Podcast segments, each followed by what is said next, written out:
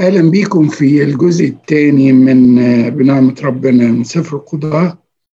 أنا يعني هراجع معاكم بس اللي إحنا قلناه الأسبوع اللي فات واللي ربنا بعته لنا. سفر القضاء كتبه صمويل النبي وده بيغطي فترة حوالي 300 سنة تقريبا. والفترة اللي هي بعد يشوع ولحد شمشون آخر حاجة وبعدين هيبتدي بعد كده صمويل أجمل ما في هذا السفر إنه بيتفق مع الشعار اللي خدناه السنة دي بنعمة ربنا وأرشدنا ربنا ليه. لأنه تعلق بي ونجيه ورفعه لأنه عرف اسمي. يدعوني أستجيب له. معه أنا في الضيق أنقذه وأمجده ومن طول الأيام أشبعه وأريه خلاصي.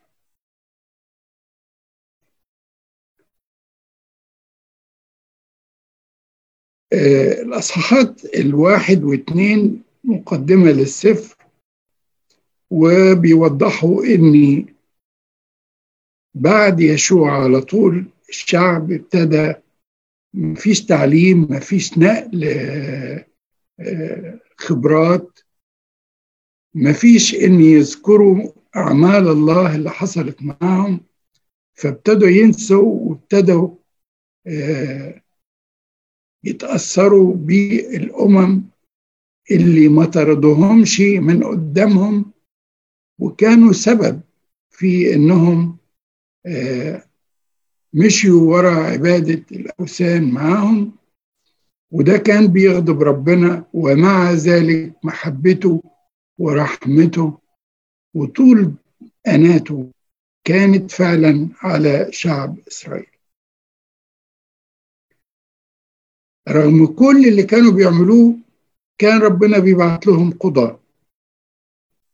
والقضاء مش قضاء يعني قاضي بالمعنى لكن كقائد وقائد روحي وده كان يا إما يعينه ربنا يا إما يختاروا الشعب.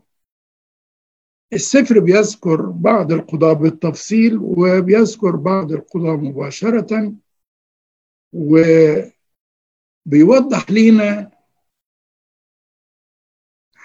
حتى الناس اللي هم اعتبروا من أبطال الإيمان كان ليهم ضعفات وكان ليهم حاجات كويسة. وده علشان يدينا أمل ورجاء وربنا حاطط هذا الكلام قدامنا اني أنا معاكم بقبل حتى ضعفاتكم اللي أنتوا آه بتعيشوا فيها وحاسس بيكم وحاسس أنتوا بشر. ف أي متاعب عندكم أي ضعف عندكم أنا بتحمله وهنشوف بعد كده بنعمة ربنا في هذا السفر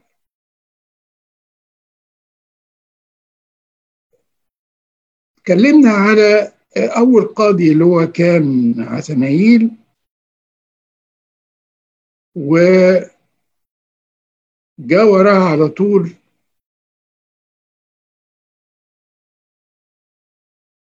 يهود ابن جيرة البنياميني وعسنايل ده أخو كالب. وبعدين شمجر بن عناء. النهارده واتكلمنا في أصحاح أربعة على امرأة عظيمة جدا وهي دبورة القاضية والنبية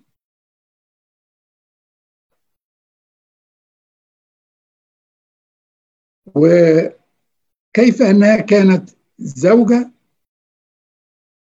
وفي نفس الوقت امرأة خادمة تخدم الله عندها إيمان عندها ثقة أن الله يعمل. وأن الله ما بيسيبش ولاده الذين تعلقوا بيه واتكلوا عليه. فدعت باراق ابن أبي نوعم وقالت له ألم يأمر الرب إله إسرائيل؟ وطبعا المرة اللي فاتت اتكلمنا على إني براق طلع وما طلع الحرب. بشرط إني كانت دبورة تطلع معاه وفعلا دبورة قالت له أنا هطلع معاك بس خلي بالك إن الانتصار في الحرب إنك أنت مش أنت لوحدك لا هتكون في امرأة هتحقق برضو انتصار. هو طبعا افتكر إنها دبورة وما كلمش الراجل لحد ما انتهت الحرب وسيسرا اللي كان قائد جيش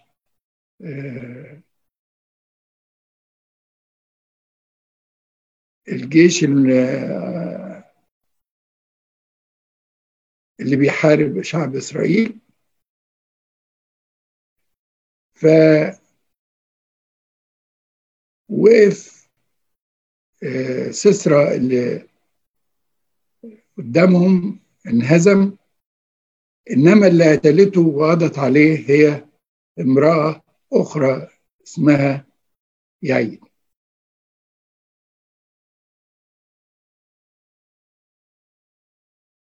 بنعمة ربنا النهاردة نتكلم بقى بعد نهاية الحرب بعد الانتصار اللي حققه.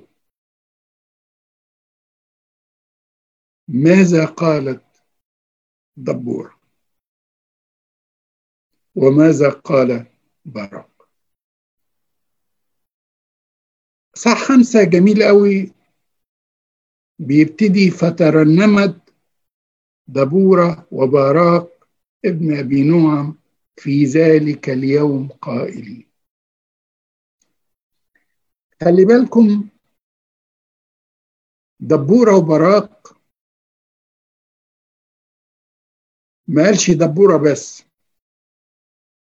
رغم إن الكلام لما هنشوف قدام هنلاقي إن في كلام كتير هي دبورة ليلى لكن الخادم الأمين يذكر كل من شارك معه مش لوحده. مقدمين بعضكم بعضا في الكرامة. التسبحة فيها شكر تمجيد لربنا فيها تواضع تواضع من دبورة وبراق لكل الناس اللي اشتركوا معاهم. الانتصار اللي حققوه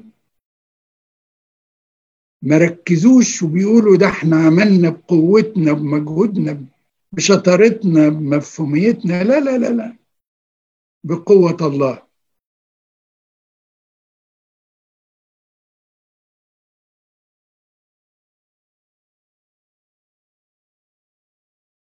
دبورة وبراق بيقدموا الشكر لربنا مع بعض.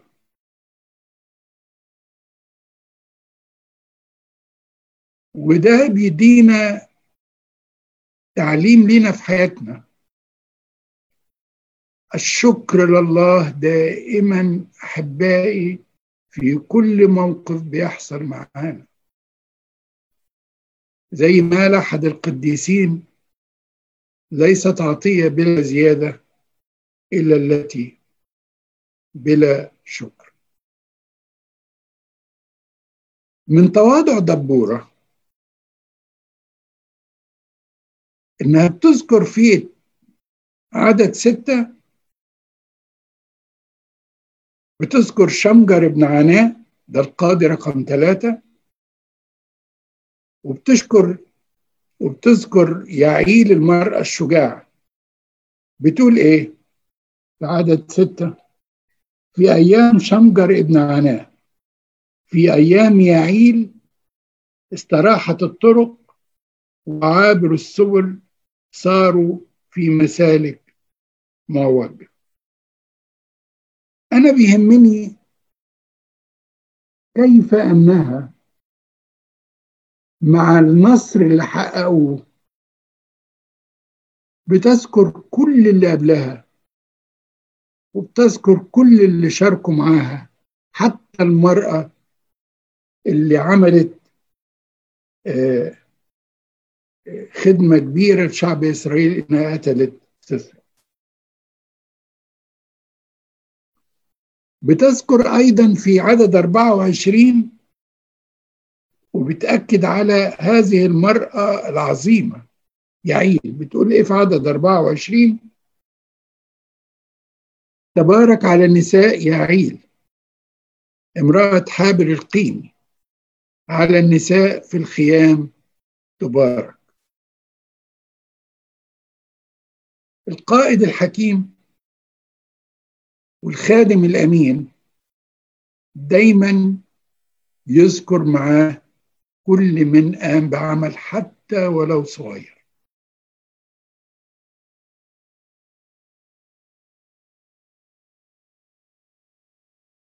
دبورة ما اعتبرتش نفسها قائد لكن لو بصينا كده بتقول إيه في عدد سبعة. قمت أنا دبورة. قمت أما في إسرائيل. خلي بالكم مش قائد لا ده أنا أم. أنا بحب ولادي شعب إسرائيل دول ولادي أنا أم.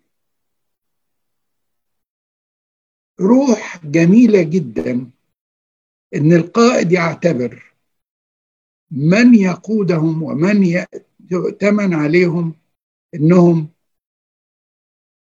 ولاده ولاده يهتم بيهم. مشاعر الأمومة تديهم احتياجاتهم ترعاهم تراقبهم كأم قديسة.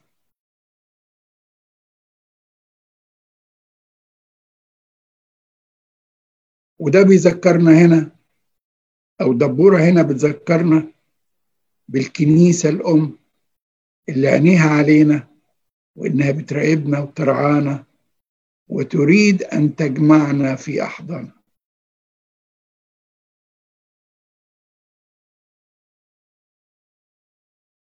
في عدد 12 آية جميلة أوي.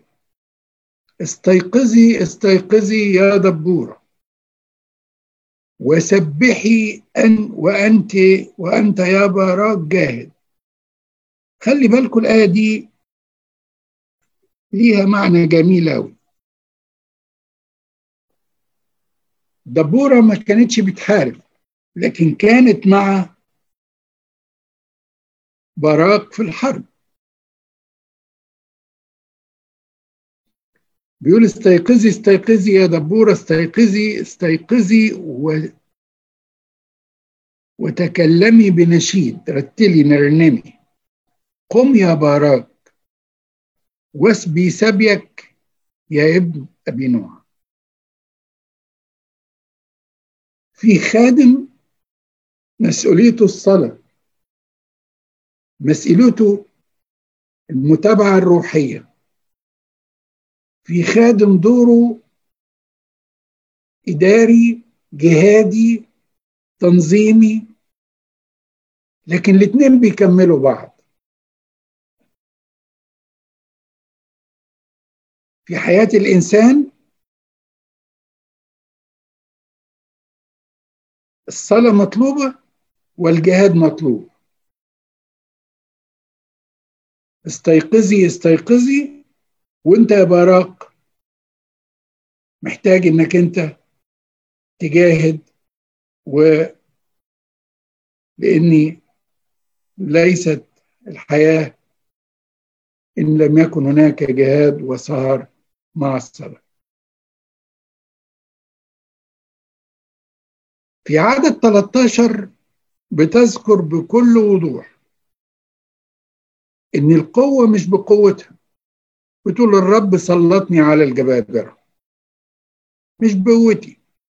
ولا بحكمتنا ولا بشطارتنا ولا بعددنا. الرب سلطني على الجبابرة. في عدد عشرين بتذكر من السماوات حاربوا. الكواكب من أفلاكها حاربت سسرا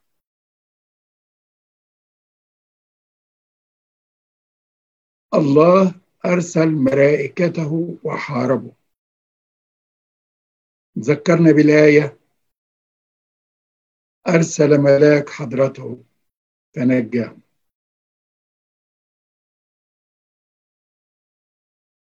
في عدد 21 بتقول دوسي يا نفسي بعز لأني أنت ابن الملك.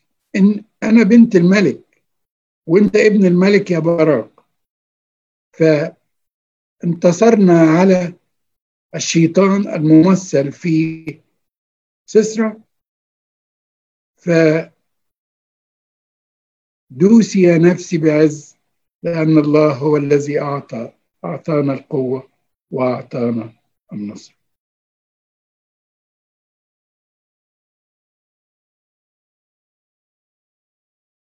في عدد 31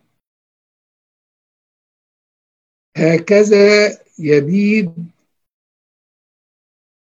جميع أعداء يبيد جميع أعدائك يا رب. عدد 31 وأحبائه كخروج الشمس في جبروتها.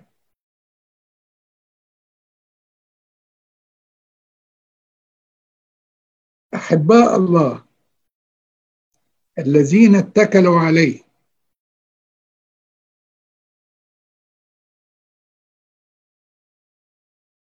كل الأشياء تعمل معا للخير الذين يحبون الله. أحباء الله يخرجون كالشمس في جبروتها. أحباء الله الله يظهر دائما حقهم ويظهر دائما أعمالهم ويظهر دائما كرامتهم في وسط الناس رغم أنهم لا يريدون كرامة من الناس. أيام دبورة وأيام براق استراحت الأرض أربعين سنة.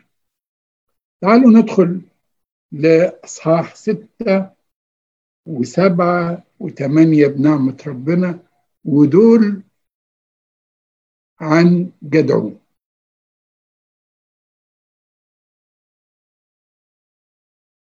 خلي بالكم إن القضاء زي ما اتكلمنا من شوية ممكن جدا إن ربنا بيختارهم وبيبعتهم أو ربنا بيتقابل معاهم مباشرة أو ربنا بيخلي الناس هم اللي يختاروهم زي ما هنشوف بعد كده في يفتح لكن تعالوا نبص بقى في إصحاح ستة. نبتدي الإصحاح بآية صعبة شوية. بعد أربعين سنة من الراحة يقول لك وعمل بنو إسرائيل الشر في عيني الرب فدفعهم الرب ليد مديان سبع سنين. أربعين سنة راحة الراحة تؤدي إلى الكسل والاسترخاء ينسوا ربنا وحواليهم الأوثان وحواليهم شعوب العالم اللي ما يعرفوش ربنا. حواليهم الشر موجود في كل مكان فتأثروا به الراحة. وده بيدينا برضو إن إحنا نخلي عينينا على أولادنا ونخلي عينينا على نفسنا ان الراحة دايما بتخلينا في معظم الأحيان ومع ضعف بشريتنا إن إحنا ممكن جدا ننسى ربنا ويا ننحرف إلى العالم شوية أو يأثر فينا العالم شوية. عجبني تعليق على الملكة رانيا ملكة الأردن. فكانوا جايبين لها لقاء في أحد المحطات التلفزيونية فبيسألوها إزاي بتربي ولادك. أعتقد يمكن شفتوا حضراتكم قالت لهم أنا اولادي ما فيش خادم ما فيش حد يدخل أوضتهم ينظفها أو يرتبها لهم.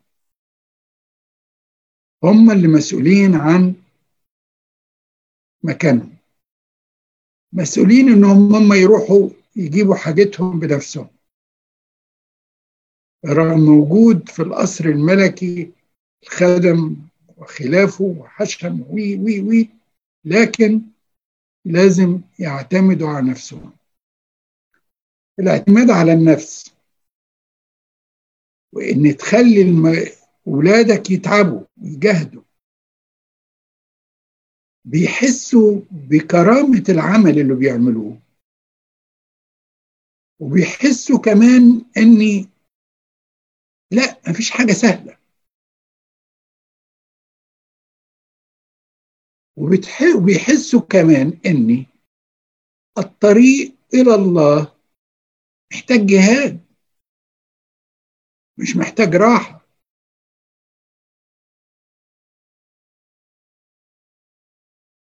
وده اللي بتعلمه لنا الكنيسة النعمة موجودة والجهاد مطلوب. النعمة تعمل مع الذين يجاهدون. فما تسمحش لنفسك ابدا بالراحة ولا الكسل. نتيجة لأنهم رايحوا استريحوا استراحوا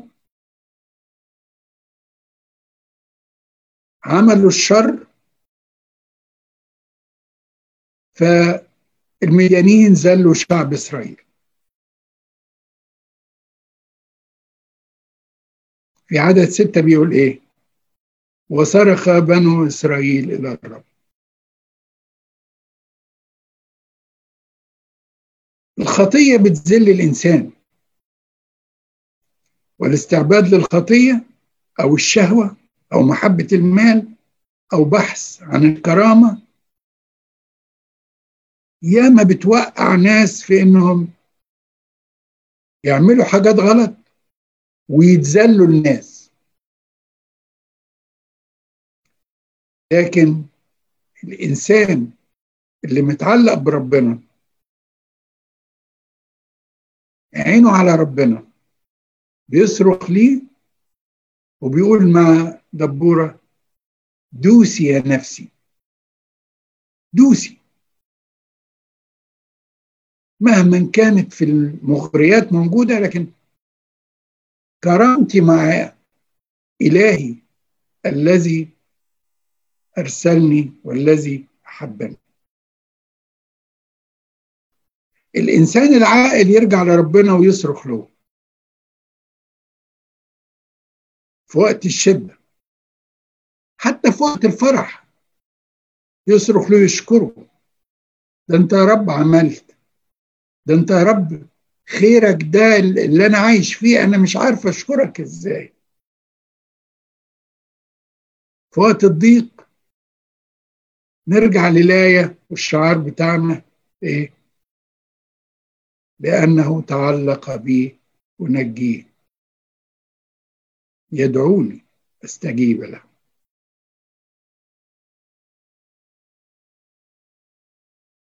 الله لا يترك نفسه بلا شاهد ولأن ولاده بيحبهم ويخاف عليهم. حتى لو كانوا هم برغبتهم تركوه زي ما شعب إسرائيل كده. لكن في عدد ثمانية أن الرب أرسل نبيا إلى بني إسرائيل فقال لهم هكذا قال الرب. وابتدى يذكرهم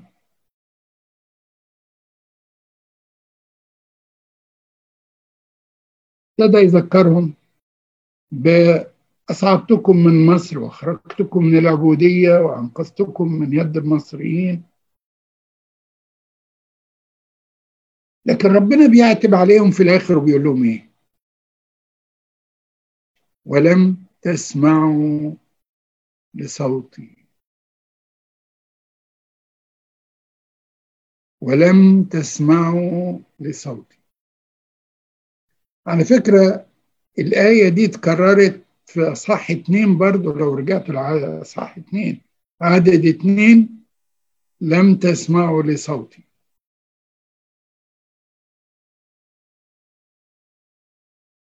لم تسمعوا لصوتي.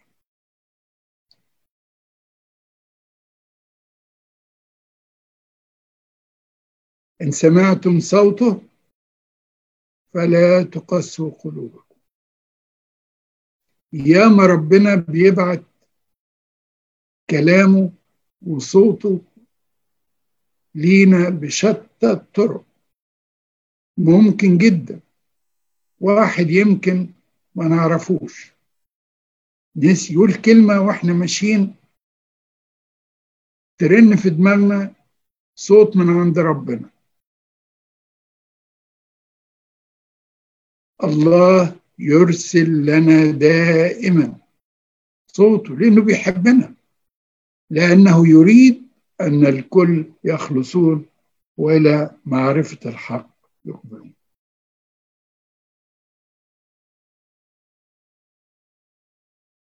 المهم لا نغلق اذنينا حينما ينذرنا الله. السيد المسيح ياما ذكر الحكاية دي من له أذنان للسمع فليسمع. أحبائي لا تغلقوا آذانكم أمام صوت الله. كلام ربنا صوت ربنا بيوصل بطرق عجيبة جدا. فيا ريتنا نخلينا حذرين وفعلا نجعل آذاننا صاغية لصوت الله. الله يرسل صوته لنا وبيسمع لأصواتنا. هو بيدعونا. الله يدعونا مش لأنه محتاج لينا. إحنا بنصلي في القداس في القداس الغروري بنقول إيه؟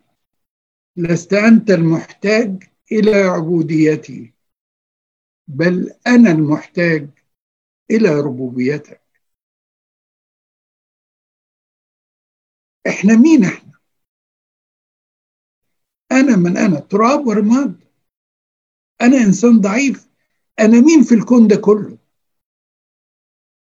الكون العظيم ده الكرة الأرضية دي بالظبط ذر ذره رمل على شاطئ محيط الكره الأرضية. بما عليها من سبعة وثمانية من عشرة مليار بني آدم. قدام ربنا لا تساوي شيء. ومع ذلك شوفوا محبته قد إيه؟ بيهتم ب... بالإنسان شخصيا. شخصيا. ويدعوه. شوفوا قد إيه المحبة؟ الكون كله ده. وتهتم بي أنا. لكي نعرف أنه هكذا أحب الله العالم. نحن نحبه لأنه أحبنا اولا. فخلي بالنا للآية لم تسمعوا لصوتي.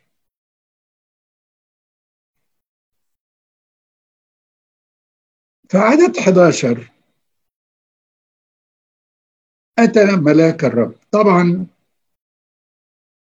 في العهد القديم لما بيتكلم على ملاك الرب بيرمز لمين أو قصد مين؟ الله الكلمة الإقنوم الثاني قبل التجسد السيد المسيح. فهنا صورة من الصور اللي ظهر فيها السيد المسيح في العهد القديم. الظهورات بتاعته كتيرة جدا في العهد القديم وهذه أحد الظهورات اللي حضراتكم هنشوفها مع جدعون لحد ما ظهر في العهد الجديد وبنقول ويقول لنا الله ظهر في الجسد خد جسد. في عدد 12 تعالوا نقرأ الحتة دي لأن إرمين سألت فيها سؤال.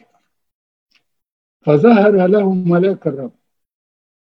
آه وأتى ملاك الرب وجلس تحت البطنه التي في عفرة التي لواش ابي عزري وابنه جدعون كان يخبط حنطة في المعصرة لكي يهربها من المديانين فظهر له ملاك الرب وقال له الرب معك يا جبار البأس. فقال له جدعون أسألك يا سيدي. إذا كان الرب معنا فلماذا أصابتنا كل هذه؟ وأين كل عجائبه التي أخبرنا بها آباؤنا قائلين؟ ألم يصعدنا الرب من مصر؟ والآن قد رفضنا الرب وجعلنا في كف مديان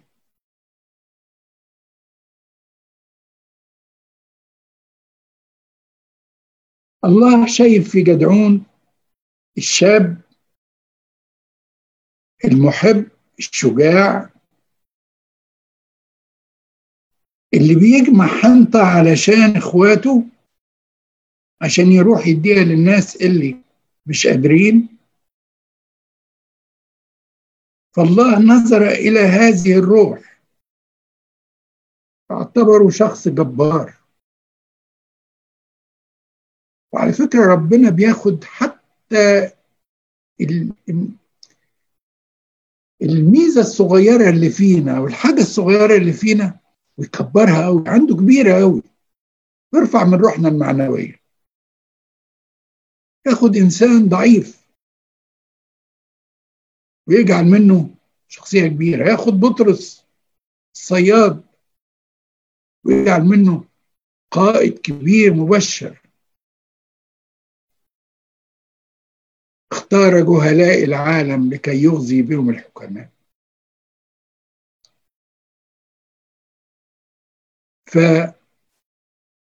فربنا باصص لينا وباصص ليك وباصص ليكي كل واحد فينا. فيك حاجة كويسة. هو الله خلق الإنسان خلقنا وكل واحد منا عطاله إمكانيات معينة مواهب معينة موجودة فيه. بس هو عايزنا نطلعها نبرزها. فمن ضمن الحاجات اللي كان جدعون فيها إنه شجاعته وإنه عنده محبة للآخرين وإخواته من شعب إسرائيل. ولأن الله فحص القلوب والكلى. عارف الأفكار؟ شايف الحاضر والمستقبل مكشوف قدامه. فهو شايف أنا عندي إمكانيات إيه؟ بيستخدمني. بس أنا أسلم نفسي له وأقول له تعالى يا رب خد السفينة. تعالى يا رب ارشدني تعالى يا رب علمني. أنا بدونك وهو قال كده. هو قال كده. بدوني لا تقدروا أن تفعلوا شيء قل له في الصلاة بتاعك وأنت قدامه وأنت بتكلمه. بدوني. بدونك يا رب. أنا ما أقدرش أعمل حاجة. امسك يميني وخدني ترنيمة جميلة أوي. يا ريتنا كل مرة وإحنا بنكلم ربنا بنقول له امسك ايدنا خدنا ارشدنا. إحنا مش عارفين مش عارفين بكرة في إيه لكن انت اللي عارف لأن الكل عريان ومكشوف أمان.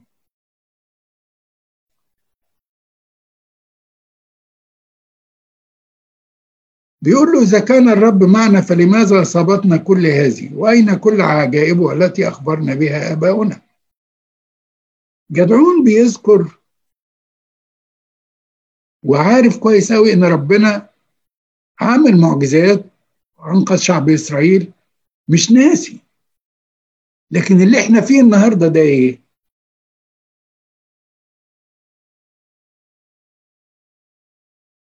إحنا ليه بتصيبنا هذه؟ عارفين زي إيه؟ زي ما ساب لي عازر يموت وما راحش عشان يشفيه. فقالت له مريم إن كنت هنا مكان أخي يموت يعني كنت تشفيه. لا لا لكي تظهر أعمال الله. الله يريد أن يتمجد فيك على فكرة. الله بينتظر حتى الهزيع الرابع. وفعلا الحل اللي بيبعته بيكون عظيم جدا. ما بيدخلش كده بحاجات صغيرة. لا لا لا. مش مستواه. لا. مش مستواه. ده ملك ده الله الله ضابط الكل ملك الملوك ورب الأرباب. يدخل في حاجة صغيرة؟ لا سيب سيب الموضوع بقى كده. عشان يستطيع أن يظهر مجد الله ويتمجد الله. اتكلم مع ربنا. وخلي بالكم إن الله يسمح أحيانا إنه يسيبنا كده عشان عظمنا يتشدد وعظمنا يجمل وزي ما في إصحاح اتنين وقال إنه ساب الشعوب التانية رغم إن شعب إسرائيل كان عايزهم يبقوا موجودين عشان يجمعوا منهم الجزية ويجمعوا فلوس لكن ربنا سابهم علشان إيه؟ عشان يعلم الأولاد شعب إسرائيل الحرب ويخليهم جنود أقوياء. فربنا له حكمة حكمة. لكن عينه على أولاده وآذانه صاغية ليهم. ثق تماما ثق تماما إن ما دمت أنت متعلق بيه ربنا عمره ما هيسيبك ولا هيتخلى عنك. هيجي في الوقت المناسب وهيديك مجد عظيم. ثق تماما في ذلك. طبعا جدعون آه، إرمين ده جاوب على جزء من آه، جاوب يا أنكل على السؤال أنا بس كنت متحيرة في فكرة هو السلوك الكلام اللي قاله كان بيعبر عن حاجة ضد الإيمان اللي هو مكمل فيه ولا آه، هو بس يعني هل ده يعتبر شك ولا مجرد إنه بيسأل ربنا عشان يفهم منه؟ ده عتاب على ربنا عتاب. أنت يا رب سايبنا ليه؟ ده إحنا ده إحنا اولادك وبيقول له كده بيقول له ده أنت عملت معانا ده أنت أبائنا قالوا لنا عنك إنك أنت. هو واثق في ربنا على فكرة واثق في ربنا. وده على فكرة أولاد ربنا كده لما يجوا يكلموا ربنا واثقين في إن مقدرته وعظمته بس إن يعني بيعتبه وعلى فكرة ربنا ما بيتضايقش منه ما عتبش عليه. لو بصينا كده في 14 مش هعتب عليك مش ه... كل الكلام اللي أنت بتقوله ده مش هعتب عليك وأقول لك أنت ليه بتلوم عليا ولا حاجة. لا لا لا لا, لا. اذهب بقوتك هذه. بقوتك هذه القوة بتاعتك دي اللي انت بتجمع بيها الحنطة اللي هو القمح. وخلص إسرائيل من كف مديان. أنا؟ وأنا مين أنا؟ وأنا مين أنا؟ ربنا ما دخلش بقى قال له طب ما هم عملوا. طب ما شعب إسرائيل سابني. لا لا لا لا, لا. ما رضيش برضه يرد عليه على عتابه. يعني جدعون بيعتب على ربنا ربنا قال طب سيبك أنت بقى من العتاب ده والكلام ده مش وقت عتاب بقى قوتك دي يلا بيها وهو ده ربنا اللي بيعاملنا بيه على فكرة. بس بينبسط لما بنعتب عليه ونكلمه. اوعى تفتكروا إن ربنا بيتضايق لما بنكلمه؟ ابدا. أو بنعتب عليه؟ ابدا. لكن صدره واسع قوي محبته كبيرة جدا. جدا. وبعدين يقول لك إيه؟ يلا اذهب بقوتك. هذه وخلص أنا مين أنا؟ رد بقى جدعون بعد كده وأنتوا عارفين طبعا القصة إن جدعون قال له أنا صغير في بيت أبي وعشيرتي الصغرى في منسى أنا مين أنا؟ هذا التواضع. وده حقيقي. يعني جدعون كان بيتكلم الواقع. والتواضع. ومع ذلك. مش غريبة يا أنكل إنه هو ربنا شايفه كأنه جبار بأس بس هو شايف نفسه إنه ضعيف وما يقدرش يعمل حاجة؟ آه ربنا بينبسط من الحتة دي لأن الإنسان اللي شايف نفسه ده متكبر. متكبر. أنا مين أنا؟ الله يعمل في الضعفاء. وبعدين على فكرة خلي بالك التواضع بتاع جدعون ده عجب ربنا قوي قوي وده اللي جذب ربنا فيه خلاه يختاره.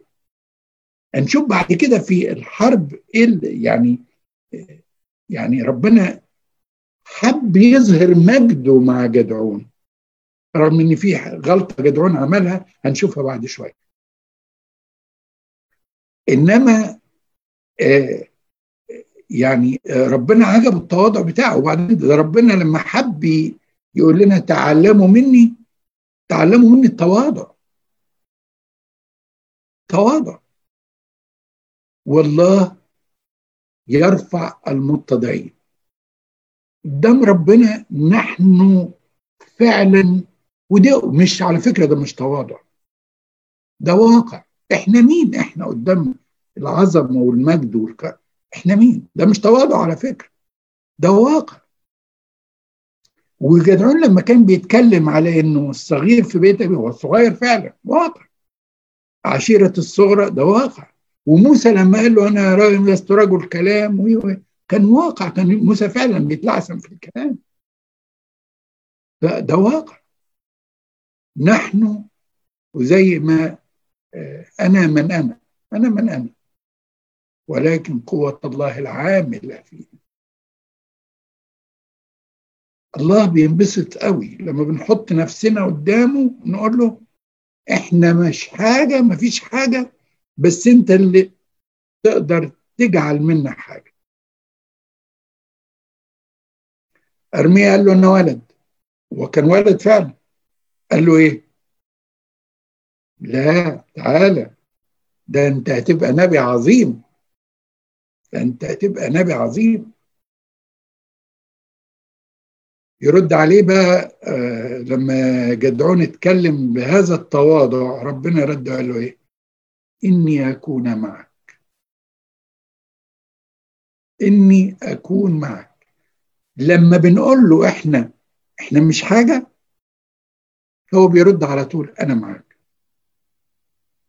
وستضرب المديانين كرجل واحد. يعني كلهم زي واحد بس وهتضربه وتموت. خلاص انتهى.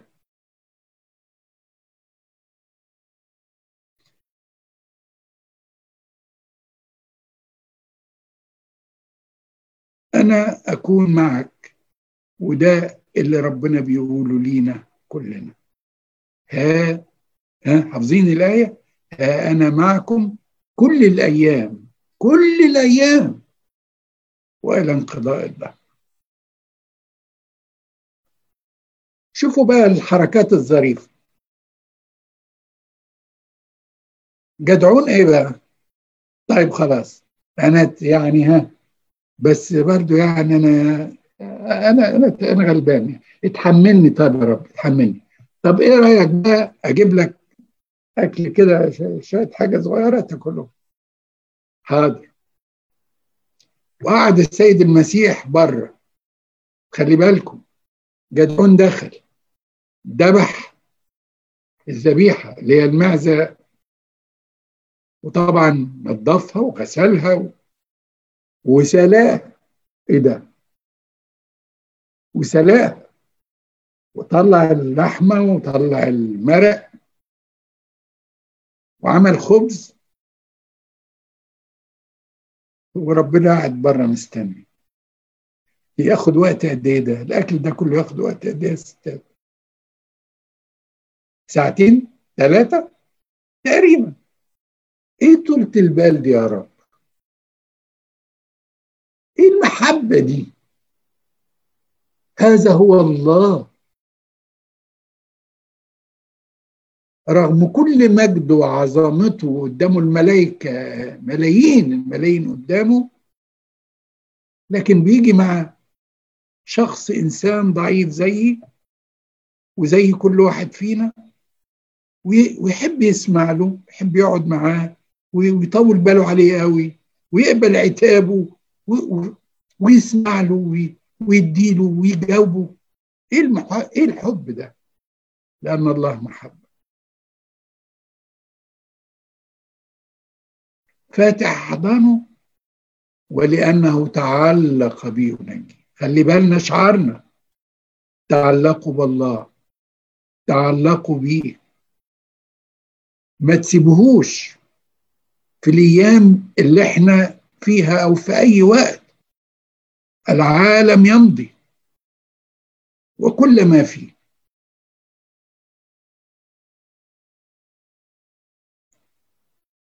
شوفوا ربنا طول باله على جدعون لحد ما جهز الأكل ما قالوش أنا مستعجل بقى.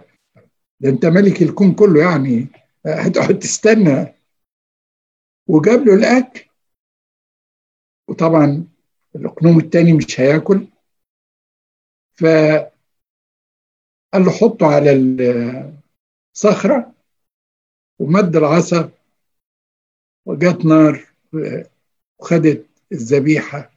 وخدت فجدعون ده انت ربنا يا إيه ده يا رب؟ إيه ده؟ قد رأيت الله وجها لوجهه وعنده طبعا. الشعور بقى واللي قالوا إن الله لا يرى أحد هو خاف من نفسه إنه هيموت.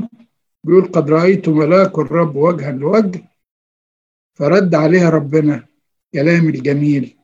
السلام لك. لا تخف لا تموت. السلام لك. ده اللي بيقولوا لنا السيد المسيح دايما. سلامي أنا أعطيكم. لا تخف ولا تخف. دي متكررة في الكتاب المقدس 366 مرة.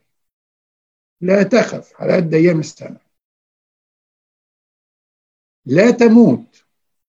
لأن أنا اللي بدي الحياة. الله يمنح الحياة.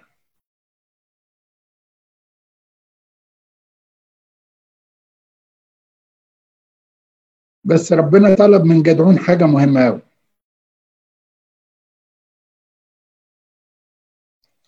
قال له اقطع السارية زيل أي مظاهر اللي بتربط الشعب بالخطية.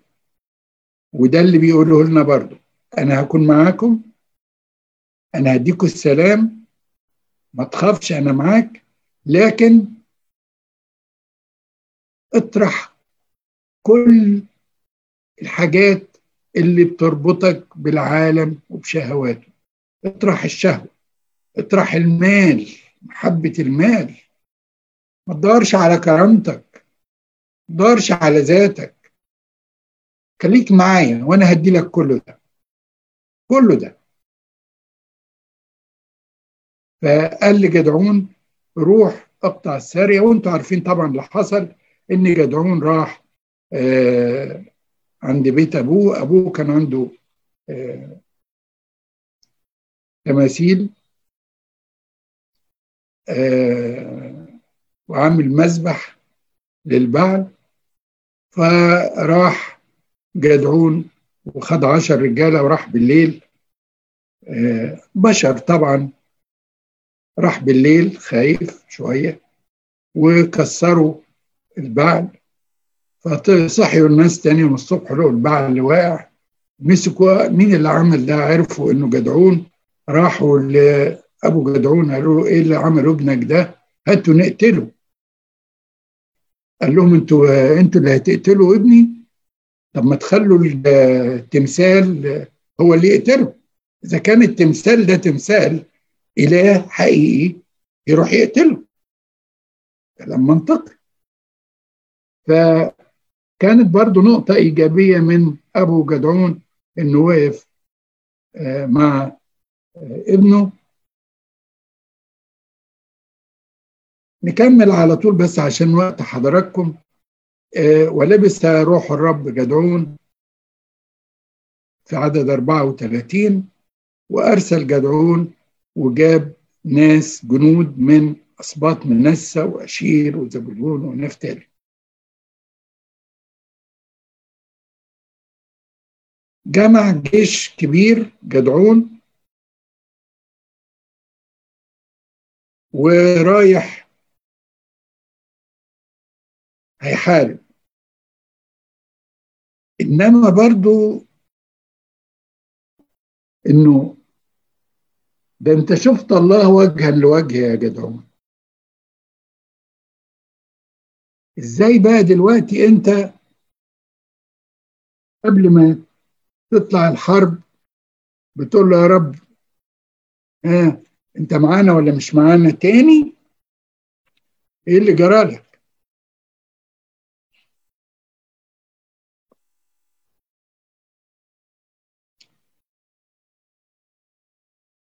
فتعالوا نقرأ كده في عدد 36 وقال جدعون لله.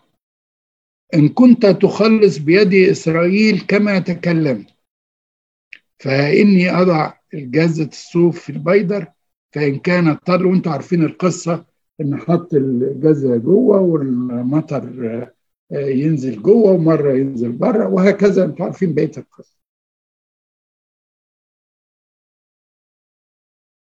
يدعون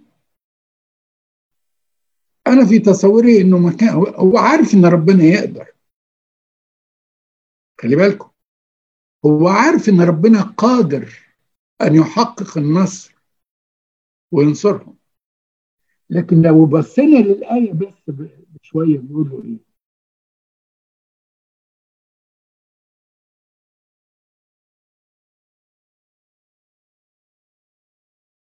إن كنت تخلص بيد إسرائيل كما تكلم. يعني إذا كانت في نيتك إن أنت تخلص شعب إسرائيل.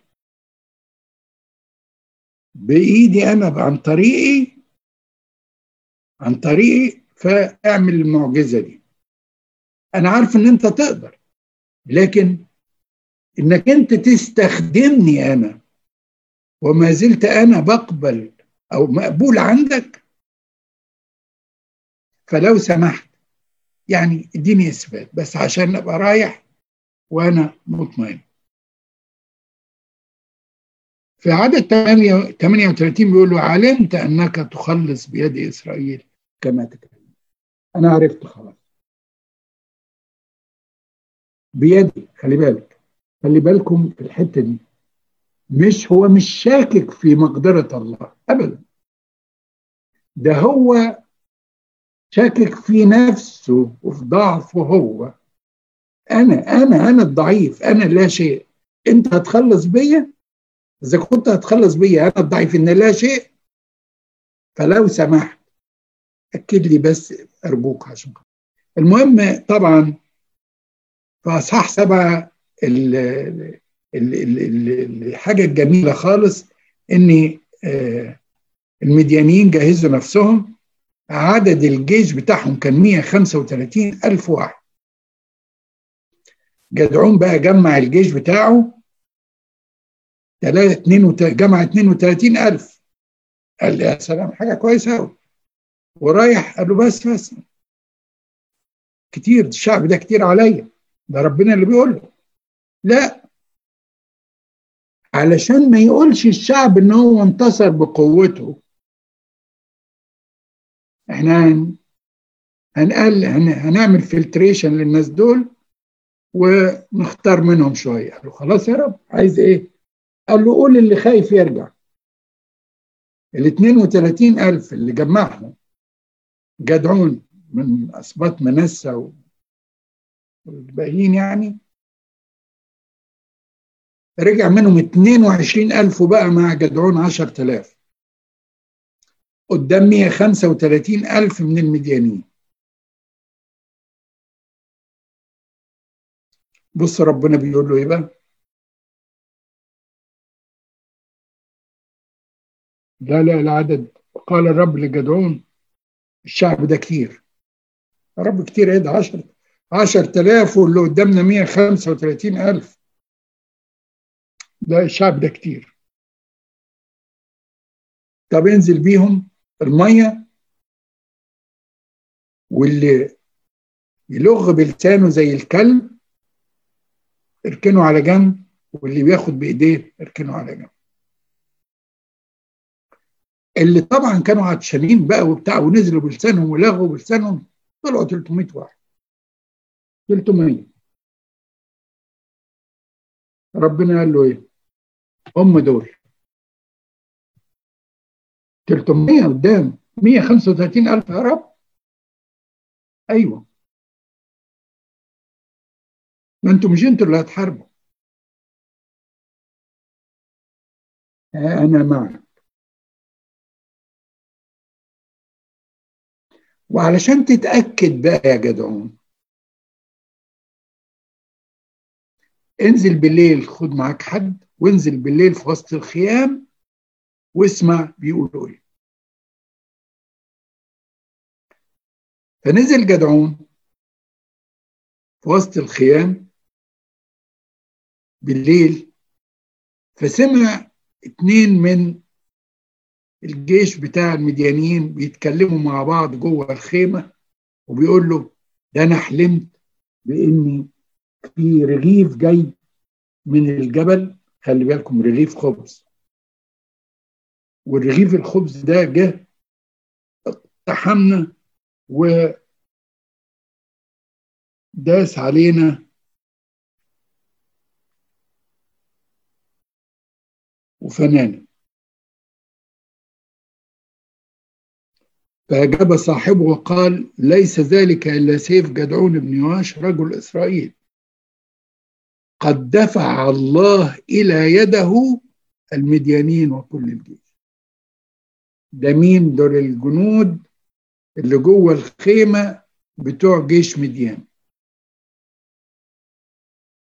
ولما وكان لما سمع جدعون خبر الحلم وتفسيره أنه سجد ورجع إلى محلة إسرائيل. رغيف الخبز يرمز إلى الخبز النازل من السماء. الله الكلمة. هو اللي هيدافع عنكم. مش أنتوا. وقد كان. وانتوا تعرف يعني لو قريتوا في عدد 12 إن المديانين كانوا كالجراد في الكسرة. وجمالهم لا عدد لها كالرمل الذي على شاطئ البحر.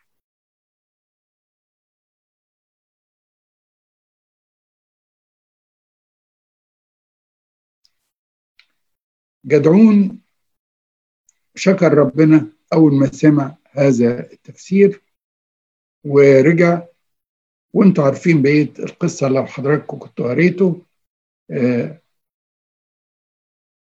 انتصروا وحققوا. وطبعا ال 300 راجل دول هيعملوا إيه في وسط ال 135 لكن الله عمل عمله في وسط المديانيين. وقضوا على نفسهم خلاهم يقتلوا في بعض. إزاي؟ تسألش. ربنا له طرقه له طريقته. له طريقته. وصدقوني لسه قريب. يعني أحداث حتى عالمية. كنا بنصلي إن مصر ربنا ينقذها من هذه الأحداث. وقد كان وبعد الناس اللي هم كانوا ناويين يحاربوا مصر ويقضوا على جيش مصر في معركة وخلاهم مشغولين في حتة تانية ومبهدلين نفسهم في حتة تانية. الله له حك... له طرقه وله حكمته وله ترتيبه. ثق أن الله لا يترك أولاده. الله يعمل دائما مع أولاده.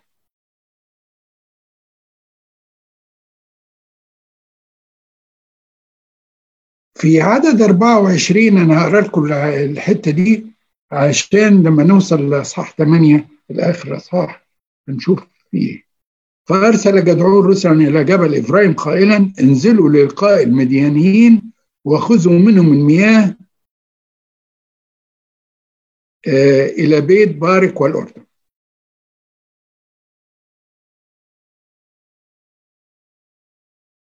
هو حققوا النصر أو الله أعطاهم هذا النصر. ما نسيش رجال إفرايم وبعت لهم وقال لهم انزلوا خدوا المكاسب. أصحاح ثمانية يبتدي الأصحاح بإيه بقى. وقال له رجال إفرايم ما هذا الأمر الذي فعلت بنا؟ إذ لم تدعنا عند ذهابك لمحاربة المديانيين وخاصموه بشدة. خاصمتوه إزاي؟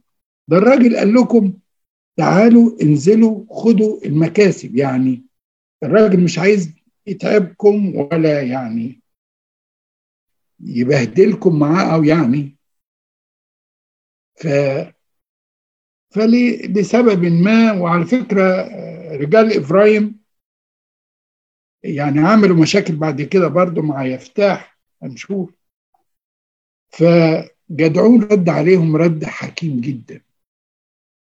رد القائد العاقل الرزين قال لهم أنا عملت إيه؟ ده أنا 300 راجل اللي معايا دول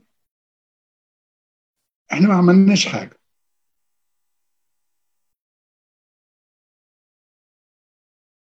اللي أنا عملته ده ما يسويش حاجة جنب اللي أنتوا عملتوه.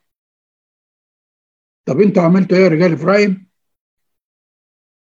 الله دافع بيقول في عدد اثنين في عدد ثلاثة ليدكم دفع الله أميري المديانيين غرابا وذئبا.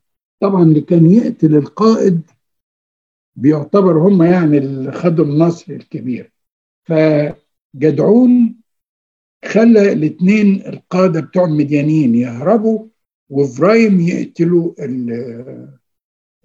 القادة بتوعهم اللي غرابة وذئبة فقتلوهم فطبعا جدعون بيقول لهم أنا ما عملتش حاجة. ده أنتوا اللي قتلتوا القادة. شوفوا شوفوا القائد الحكيم والإنسان الحكيم. الكلام اللين يصرف الغضب. ما انفعلش. ما قال لهمش أنتوا ما بعتوش حد. قال لهم لا لا لا أنتوا أنتوا عملتوا يعني أنتوا شغلكم كان حلو وجميل و ليدكم دفع الله. خلي بالكم ليدكم دفع الله. مش أنا ليدكم. الله هو اللي عمل. دايما ينسب النجاح إلى الله. بين آه بيكمل لنا الإصحاح بيقول أهل سكوت يرفضون أن يعطوا رجال جدعون خبزا أهل فنويل عملوا زي أهل سكوت وجيش جدعون ال 300 قضوا على جيش المديانيين واتبقى منهم 15000 تبعهم جدعون وقضى عليهم وانتصر جدعون. في عدد 22 و 23 انتصار جدعون وخلاص وانتهت الحرب. قال رجال إسرائيل لجدعون تسلط علينا أنت وابنك وابن ابنك لأنك قد خلصتنا من يد مديان. فرد عليهم جدعون قال لهم إيه؟ فقال لهم جدعون لا أتسلط عليكم. ولا يتسلط ابني عليكم. الرب يتسلط عليكم. أنا مش عايز مجدا من الناس لست اقبل أنا مش عايز سلطة. أنا مش عايز منصب. أنا ربنا اختارني لهذا العمل وبيدي عمل هذا الكلام. أنا مش عايز أبقى ملك. هو اللي يتسلط عليكم. هو الملك وهو القائد وهو اللي بيختار وهو اللي بيوجه. ولا حتى ولادي. ولا حتى أولادي آه الجزء الأخير جزء يعني آه سقطة وقع فيها جدعون إنه جمع الذهب من الناس وعمل فود وعمل تمثال. وده كان كله علشان ما ينزلوش الشعب الشعب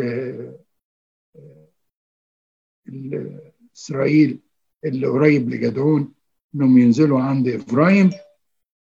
يعني ما نقدرش نقول إيه اللي كان وراها إنما بتعتبر سقطة من جدعون إن عمل هذا التمثال وعمل هذه الوفود. وبيقول وزنى كل إسرائيل وراءه هناك فكان ذلك لجدعون وبيته فخا أحذر أحبائي حرب الشيطان حيله كتيرة جدا. أحيانا الخادم يعمل خدمة كويسه جدا جدا جدا. ويجي كده الشيطان يحط حاجة صغيرة في الآخر تخلي الإنسان يعني يفقد جزء من العمل الحلو اللي عمله. ومع ذلك يذكر الكتاب المقدس جدعون أنه من رجال الإيمان في عبرانيين 11 بيذكر بولس الرسول في عدد صح 11 بيقول جدعون وبراق ويفتاح وخلاف. فذكر جدعون. آخر عددين ونختم بيهم بنعمة ربنا. بيقول إيه؟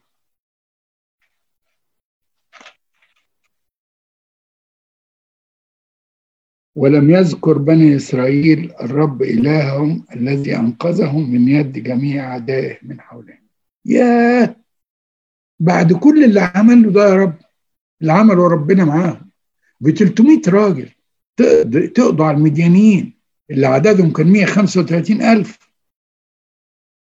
نسيتوا هذا الكلام في الأربعين سنة اللي حكم فيها جدعون؟